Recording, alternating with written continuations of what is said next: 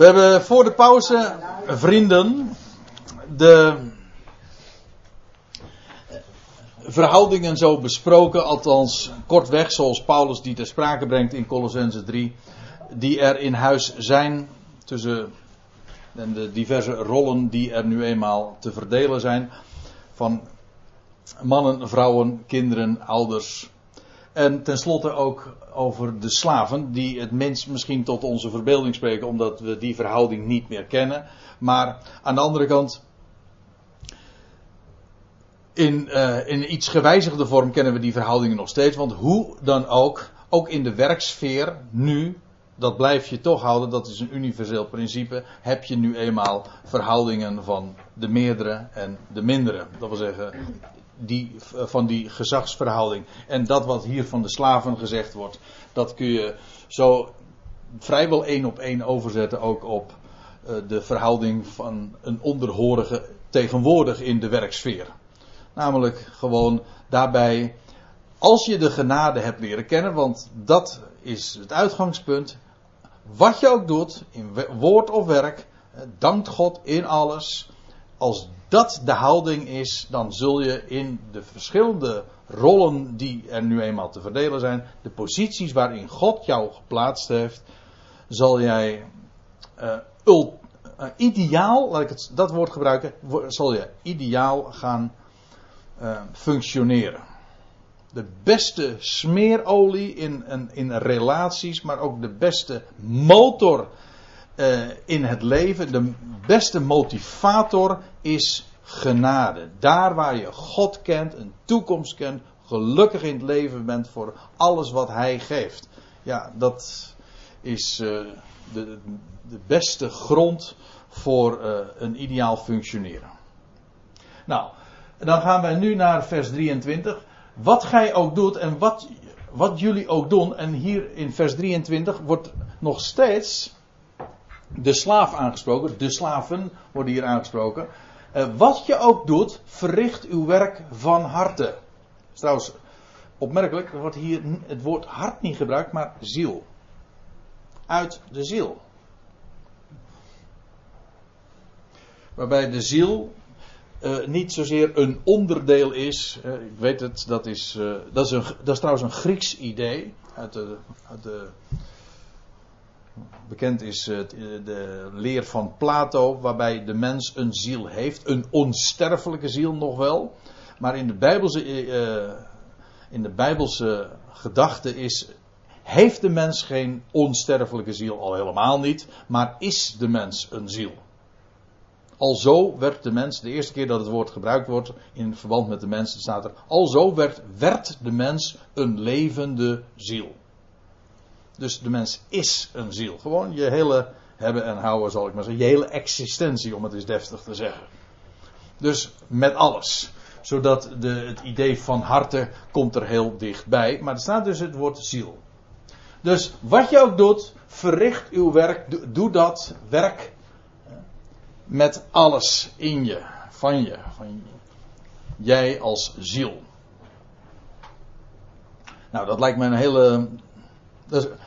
Dat, lijkt me ook zo'n prachtige richtlijn, of ja, en ook adagium voor iemand die leeft uit genade. Wat je ook doet, doe het van harte. En let op, dit wordt tegen de slaven gezegd.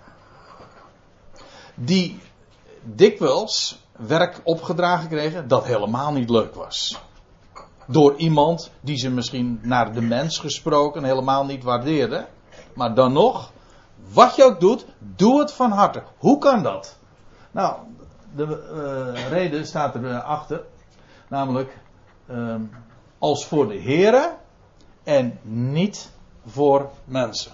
Kijk, zo leven wij. En ja, we hebben er nou uh, al toch al uh, een halve avond aan besteed aan, aan die dingen die hier gezegd worden. Maar het is heel gemakkelijk terug te brengen tot een hele eenvoudige, simpele kern. Daar waar je genade kent, daar ga je optimaal functioneren. Ook als slaaf doe je het ook niet voor mensen, maar je werkt, je leeft voor hem als voor de Heer, niet voor mensen. En dat maakt het hele verschil. Dus als je iets opgedragen dan krijgt wat helemaal niet leuk is, dat maakt niet uit. Je doet het. Je weet ook die Heer van jou, die jou iets opgedragen heeft wat niet leuk is, is ook gesteld door de Heer. En je doet het daarom, als je het dan niet voor Hem doet, nou dan doe je het gewoon voor Hem. Dat is de, de beste motivator die er bestaat. Hij beschikt dat toch? Dus dat maakt allemaal niet zoveel verschil. Ik bedoel, uh, hoe je daar naar de mens gesproken naar, naar kijkt. Wij, leven op een heel andere manier. Wij kijken daar heel anders tegenaan. Wij leven niet voor mensen, maar voor, voor de Heer. Nou, uh, ik wilde op uh, nog iets wijzen. In ditzelfde verband op Titus 2. Daar lees je in vers 9 dit. En ik lees het meteen even goed. Er staat dat de slaven hun meesters onderdanig zijn in alles. Hier schrijft Paulus dus aan Titus, die achtergelaten werd op Kreta. En dan zou hij deze dingen ook onder de aandacht brengen. En de MBG-vertaling zegt dan dat de slaven moeten hun meesters, er staat niet moeten. Er staat dat de slaven hun meesters onderdanig zijn, ondergeschikt zijn in alles. Het hun naar de zin maken, zonder tegenspraak. Natuurlijk, hoe, hoe gemakkelijk ligt dat niet uh, op de loer om dan, om dan te gaan mopperen of om, om te gaan tegenspreken en misschien wel de dingen te doen, maar uh, minimaal. Nee, het hun naar de zin maken zonder tegenspraak of oneerlijkheid. Hoe gemakkelijk ligt ook dat niet op de loer? Dat als jij. Uh, als jouw onrecht wordt aangedaan. Of je denkt van mijn Heer geeft mij te weinig. Onthoud mij datgene waar ik recht op heb. Hoe, hoe, gemakkelijk ligt dan niet de verleiding op de loer om, hem, om iets te ontvreemden als de gelegenheid zich daarvoor doet? Hm? Ja, dat kan zomaar. Gaat, ik, nogmaals, het gaat hier over slaven, lijfeigenen. Maar dat geldt voor werknemers toch ook. Maar hier wordt dus tegen slaven gezegd, zonder tegenspraak of oneerlijkheid. Maar staat er, alle goede trouw aan je Heer bewijzen. En nou, nou komt het, want daarom wijs ik erop. Omdat hier zo'n schitterende motivatie ook genoemd wordt. In Colossense 3 ook, maar hier wordt die direct ook gemaakt. Dan staat erbij, om de leer, al deze dingen, onderdanig, het ernaar de zin maken, zonder tegenspraak, zonder oneerlijkheid, goede trouw bewijzen. Waarom? Dit is de motivatie. Om de leer, het onderwijs, van God, onze redder, in alles tot zieraad te strekken. Of in, in de andere vertalingen zeggen, om in alles te versieren. Zodat je leven, je wandel als slaaf, een sieraad wordt voor de leer van God onze redder.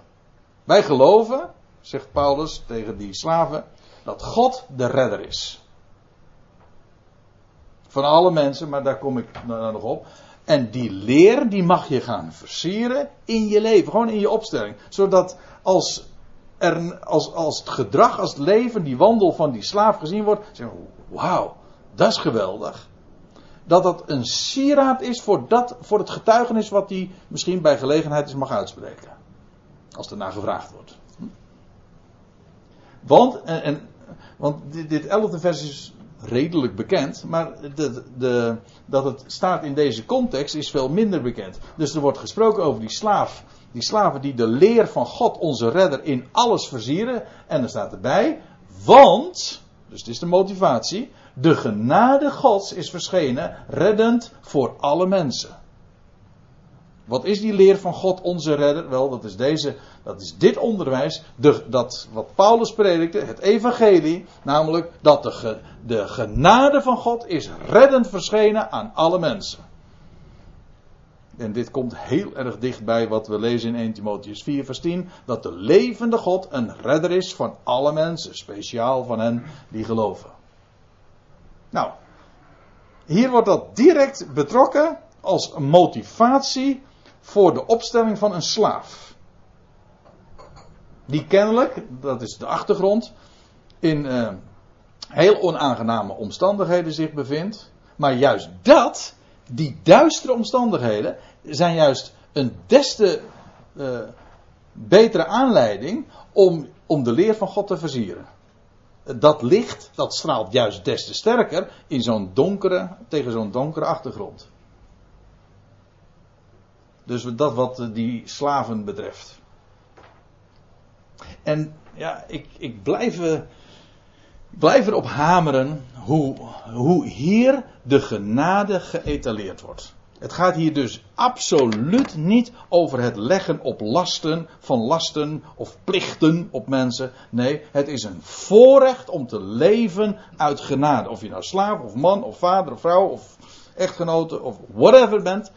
Om in die positie Gods genade te versieren. In alles. Zodat dat voortreffelijke gezien wordt en getoond wordt, gedemonstreerd wordt in je leven. Nou, dat is een stralend leven. Nou, sorry, maar ik weiger dat een plicht te noemen. Ik, dat is een voorrecht. Dat is genade. Goed. Wat je ook doet, verricht uw werk uit de ziel als voor de Heer, niet voor mensen. En dan staat er, uh, gij weet toch dat gij van de Heer, wetende dat van de Heer, ja, nou moeten we even opletten. Er staat er in de MBG-vertaling, tot vergelding de erfenis zult ontvangen, gij dient Christus als Heer. Maar nee, het staat er net even anders. Nogmaals, er wordt hier, de slaven worden hier aangesproken. En tegen die slaven wordt gezegd, je, je weet toch, je, je bent je ervan bewust dat je van de Heer zult ontvangen. Dat klopt. De, dan niet tot vergelding de erfenis, maar de compensatie van het erfdeel of van het lotsdeel.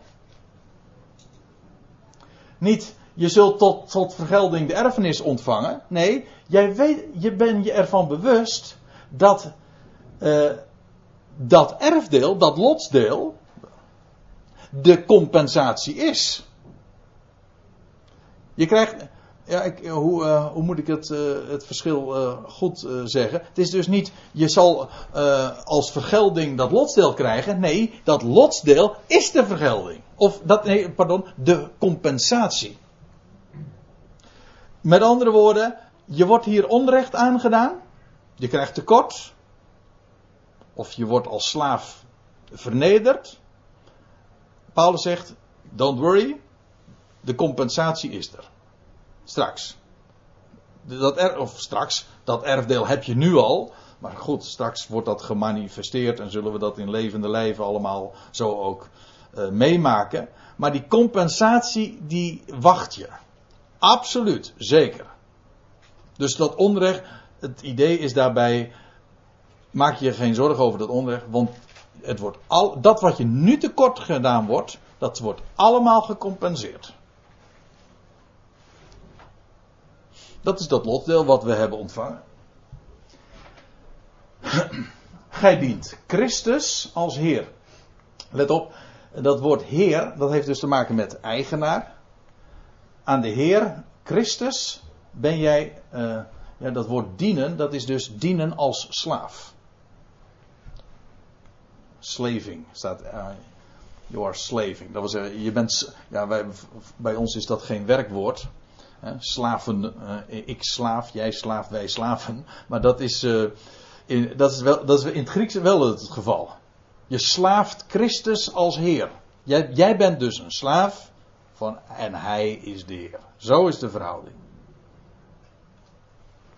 Zodat zelfs die verhouding waarvan wij zeggen dat is nu afgeschaft en dat is maar goed dat het er niet meer is. Maar zelfs die verhouding wordt door Paulus gebruikt om het op een. Nee, laat ik het anders zeggen. Het wordt op een veel hoger, op het, op het hoogste plan gebracht. Dus die verhouding van slaaf-heer, gewoon die er op aarde was, met alle toestanden die er soms bij om de hoek eh, kwamen kijken. Die worden hier gebracht, in het, eh, geplaatst in het perspectief van de verhouding Heer, Christus, wij die Hem als Heer kennen. Hij zorgt voor ons, hij geeft ons wat we nodig hebben.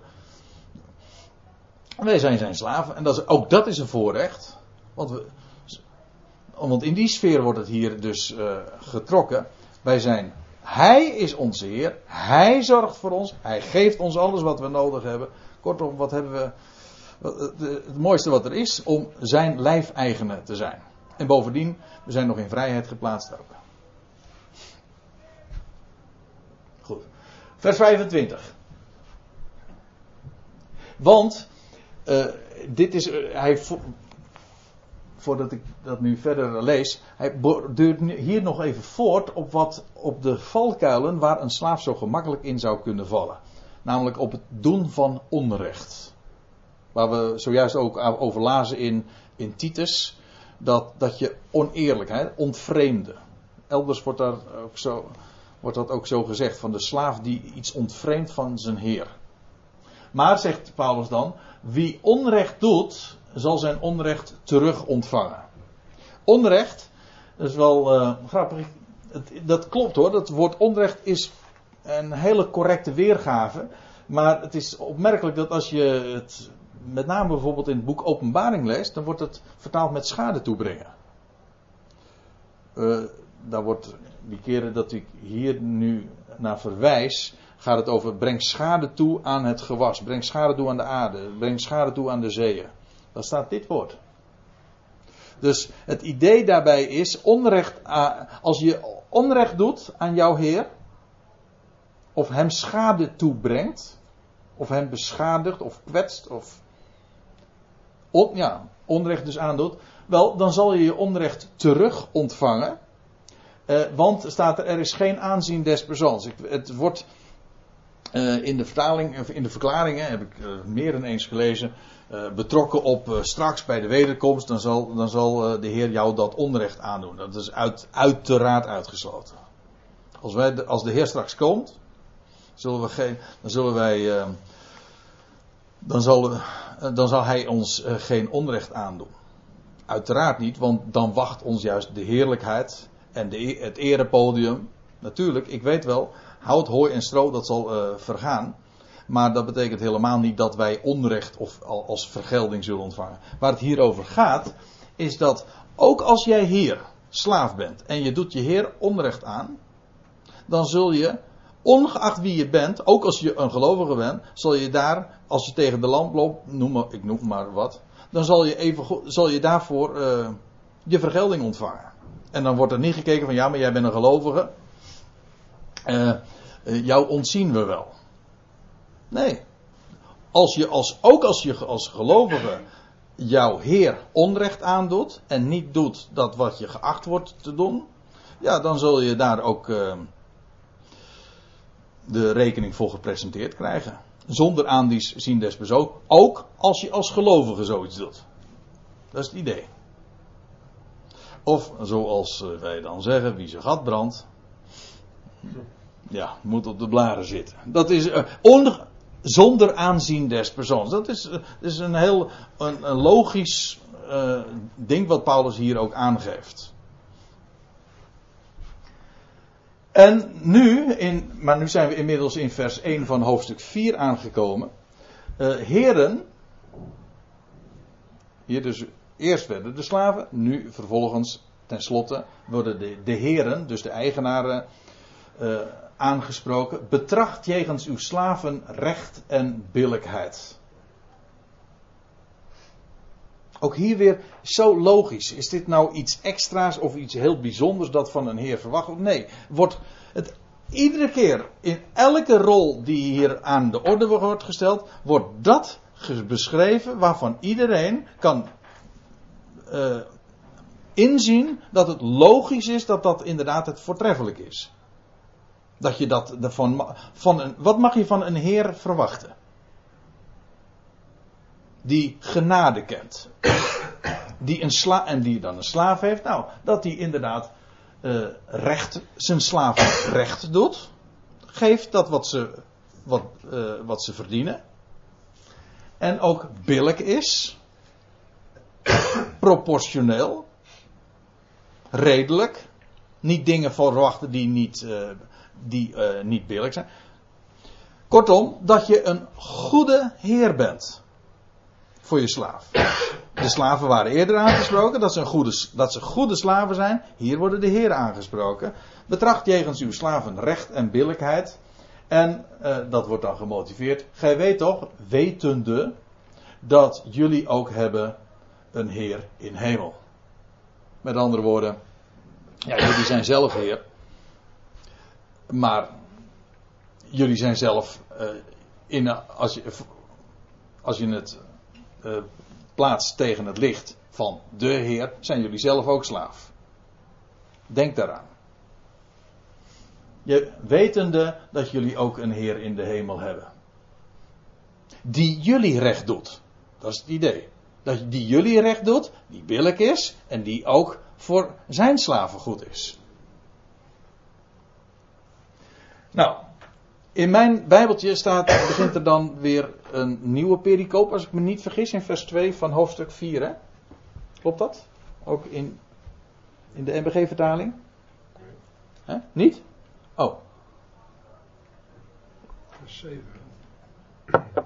Nou, het is in ieder geval zo dat in de, vanaf vers 18 van hoofdstuk 3 tot 4 vers, tot en met 4 vers 1 worden de verhoudingen in huis, in de, in de ruime zin des woords, in huis, maar ook in de werksfeer worden besproken.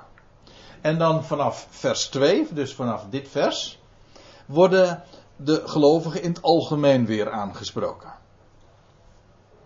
Waarbij als eerste gezegd wordt: volhard in het gebed. Dat wil zeggen, blijf daarin volhouden.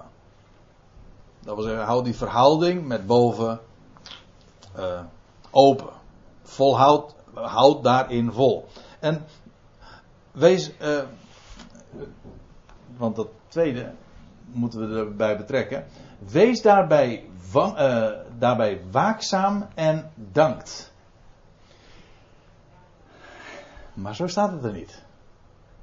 Er staat, wees waakzaam, wachtende of wacht, waakzaam zijnde daarin. Hoe dan? Niet en danken alsof dat, dat iets nieuws is. Nee, volhard in het gebed. Wees daarbij waakzaam in dankzegging. Waarin bestaat die, die, dat, dat waakzame, die waakzaamheid? Wel, dat bestaat daaruit dat je dankt.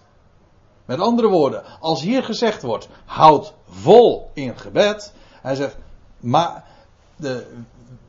wees daarbij alert, waakzaam, bedenk daar voortdurend dat, uh, dat je dankt. Dus met andere woorden, die, dat gebed waarin wij vol, volhouden, volhouden, dat bestaat uit dankzegging.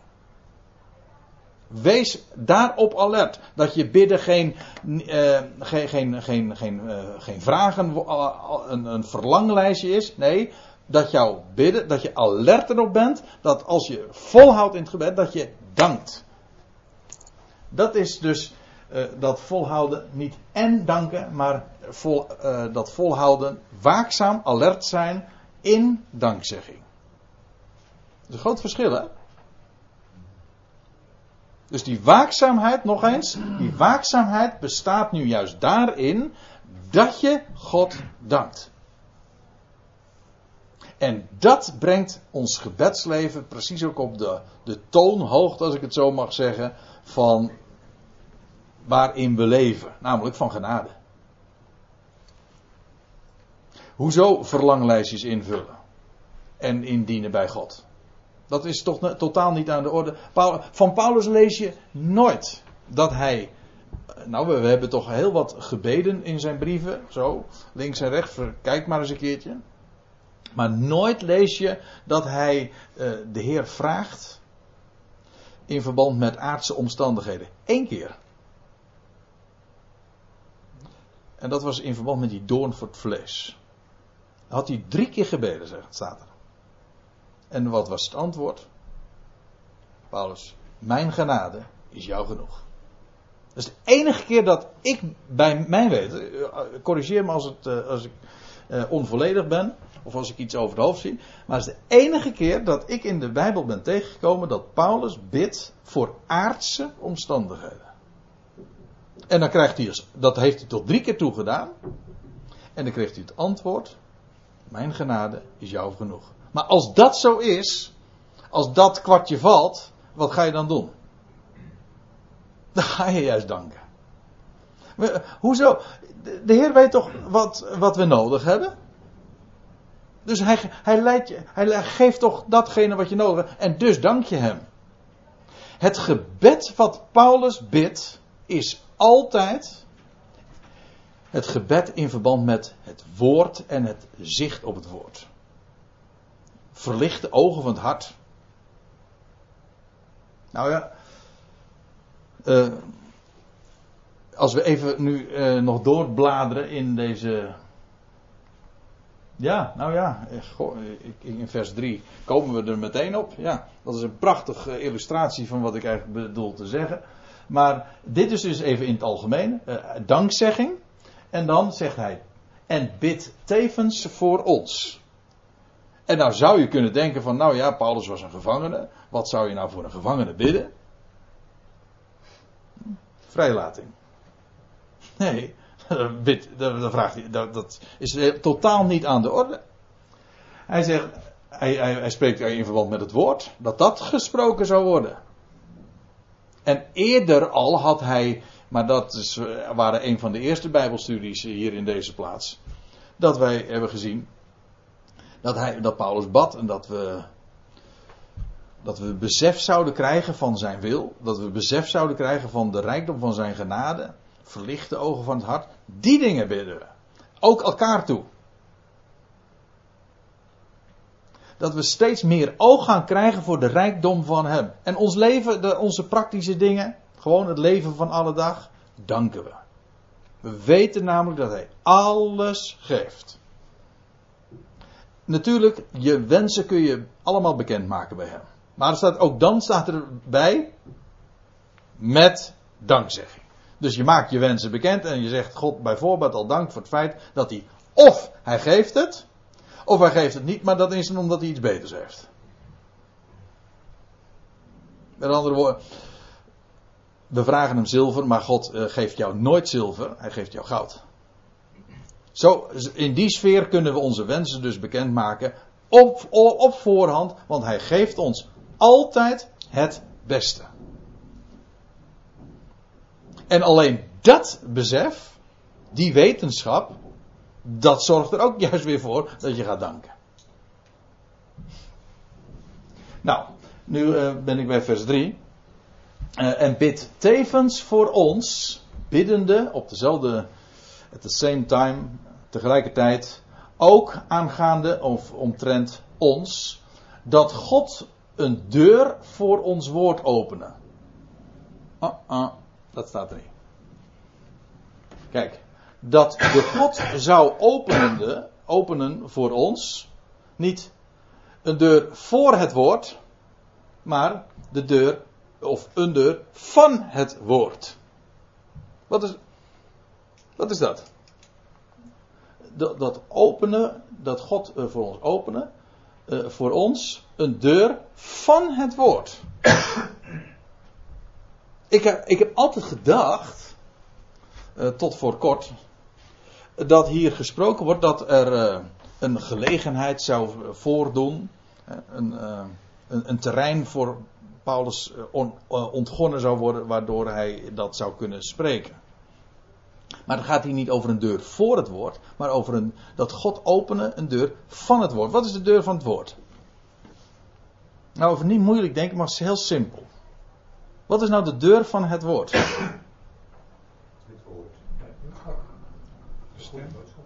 De mond. Is gewoon je mond. De, hoe komt mijn woord nou nu weg? Gewoon doordat ik mijn mond open.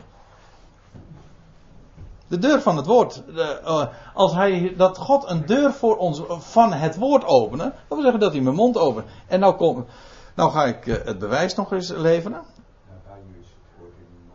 En in uw hart. Ja. Maar ik zal u nog een voorbeeld geven. Nee, het bewijs leveren. Want ik heb uh, al, al uh, dikwijls tijdens deze studies erop gewezen dat de Colossensebrief en de Efezebrief in veel opzichten. Uh, ja, ze zijn niet alleen ongeveer tegelijkertijd geschreven, tegelijkertijd verzonden ook. Maar ze lopen in allerlei opzichten parallel. En wat blijkt, dat in het parallelgedeelte van dit vers, in Efeze 6, wordt dit precies ook gezegd. Daar gaan we nu even naartoe. Ja, het is inderdaad, dus, dit is dus de deur van het woord, maar ik ga het u laten zien. Uh, Efeze 6, vers 19. Ook voor mij, hij, ook hier in Efeze 6 gaat het ook over uh, dat Paulus vraagt om te bidden. Voor hem voor zijn, en zijn medewerkers. Ook voor mij, dat mij bij het openen van mijn mond het woord geschonken worden om vrijmoedig het geheimenis van het evangelie bekend te maken. Wat is de deur van het woord? Dat is gewoon het openen van mijn mond. Dat, wordt, dat moet geopend worden. Zodat dat vrijmoedig ook gesproken zou worden. Kan niet missen. De opening of de mouth. Ja, dus dat het voor ons dat God een deur voor uh, een deur uh, van het woord, ja, dan moet ik het zelf goed zeggen, deur van het woord openen. En ja, wat dacht je? Wat? Het, het volgende zinsdeel uh, zegt dat ook gewoon expliciet. Om te spreken dus. ja, want als je je mond open doet, dan ga je spreken. Om te spreken van het geheimenis van de Christus. Te spreken het geheimenis of de verborgenheid van de Christus. Als u een statenvertaling hebt, staat er de verborgenheid. Dat wat nu verborgen is, of dat wat verborgen is. Trouwens, opmerkelijk, eh, in het parallelgedeelte waar ik net op wees in Efeze 6, wordt gesproken over het geheimenis, de verborgenheid van het evangelie, van het goede bericht. Ook om in vrijmoedigheid bekend te maken het, de verborgenheid van het evangelie. Hier wordt gesproken om te spreken van de verborgenheid van de Christus. Ter wille waarvan ik ook gevangen zit. Het geheim, de verborgenheid van de Christus. Eerder in deze brief had Paulus daar al over geschreven. Ja, ik, zal, ik, maak even dit vers uh, rond, dan uh, sluiten we af. Maar in, in, uh, nee, in Colossense 1 had Paulus al een aantal keren het woord verborgenheid. Dat is een van de sleutelbegrippen, met name dan in die brieven die hij vanuit de gevangenis geschreven heeft. Maar dan lees je dit in Colossense 1, vers 27. Het is niet de eerste keer trouwens dat hij dit woord dan gebruikt. Maar dan staat er: Hun wil God bekendmaken, de heiligen die nu apart gezet zijn, de gelovigen. Hun wil God bekendmaken de rijkdommen van de heerlijkheid van deze verborgenheid te midden van de natie. En wat is dat? Dubbele punt. Christus onder jullie, dat wil zeggen de natie, de hoop der heerlijkheid. En daar moeten we de volgende keer maar eens uh, wat, uh, nog wat dieper op ingaan. Want het is nu eigenlijk uh, te laat om dat nu nog echt goed aan te stippen. Ik wil alleen dit er nog van zeggen. Dat is de verborgenheid heeft alles te maken met dat wat God in deze tijd, in deze huishouding doet. Namelijk dat het, de, het heil is naar de natieën gegaan. Israël is terzijde gesteld. En de boodschap is aan de heidenen toevertrouwd. En Christus is verborgen. Niet Christus is openbaar in deze wereld en hij, uh, hij openbaart uh, zichzelf vanuit Jeruzalem, uh, vanuit Israël. Nee, hij is verborgen en Christus is verborgen te midden van de natie. En dat is de hoop der heerlijkheid, de verwachting van de heerlijkheid. En daarover had Paulus natuurlijk ook al uh, gesproken, namelijk Christus, de redder van deze wereld. Dat is de boodschap die juist in deze economie, in deze huishouding uh, doorgegeven wordt. Maar nogmaals, alles verborgen. Alles wat God vandaag doet, is verborgen. En Paulus, en, maar daar zullen we de volgende keer, zal ik dat nog laten zien. Aan Paulus is dat geopenbaard. Aan hem. Voorheen, dat schreef hij ook al in het eerste hoofdstuk. Voorheen was dat altijd verborgen gehouden. Al de voorgaande generaties en aionen verborgen gebleven. En het is aan de apostel Paulus geopenbaard. Een exclusieve boodschap aan hem gegeven. Namelijk de, het geheimenis of de verborgenheid. En als hij zegt van bid voor ons, waarom? Niet om, om bevrijding uit de gevangenis, nee, dat onze mond geopend zou worden en we zouden spreken van de verborgenheid van de Christus. Ter wille waarvan ik ook gevangen zit. Maar daarover graag een volgende keer. En als ik zeg de volgende keer, dan had ik ook kunnen zeggen volgend jaar. Want dat is dan inmiddels 3 januari, heb ik begrepen. Vandaag over twee weken. Want dan zetten wij de studie voort. En wellicht nog één of twee keer misschien over deze Colossense. En dan moeten we, en dan moeten we het er nog maar eens even over hebben. Waar we uh, dan mee verder gaan. Als we de Colossense brief besproken hebben. Maar ik hou me voor suggesties aanbevolen. En als ik die suggesties niet krijg. Don't worry. Ik heb zelf ook nog een goed idee. Ja, ik denk zelf aan de gelaten brief. Maar als u een beter idee hebt. Romeinen. Hè? Romeinen. Romeinen. Dat is zo lang. Ja, die hebben dan ook wel meer dan nodig. Ja. Nou ja, dat, daar hebben we het nog over. Uh, wat we zullen bes, beslissen. We hebben in ieder geval nog zeker één keer uh, nodig voor de, voor de Colossense brief. Goed, ik stel voor dat we zullen afsluiten met dankgebed.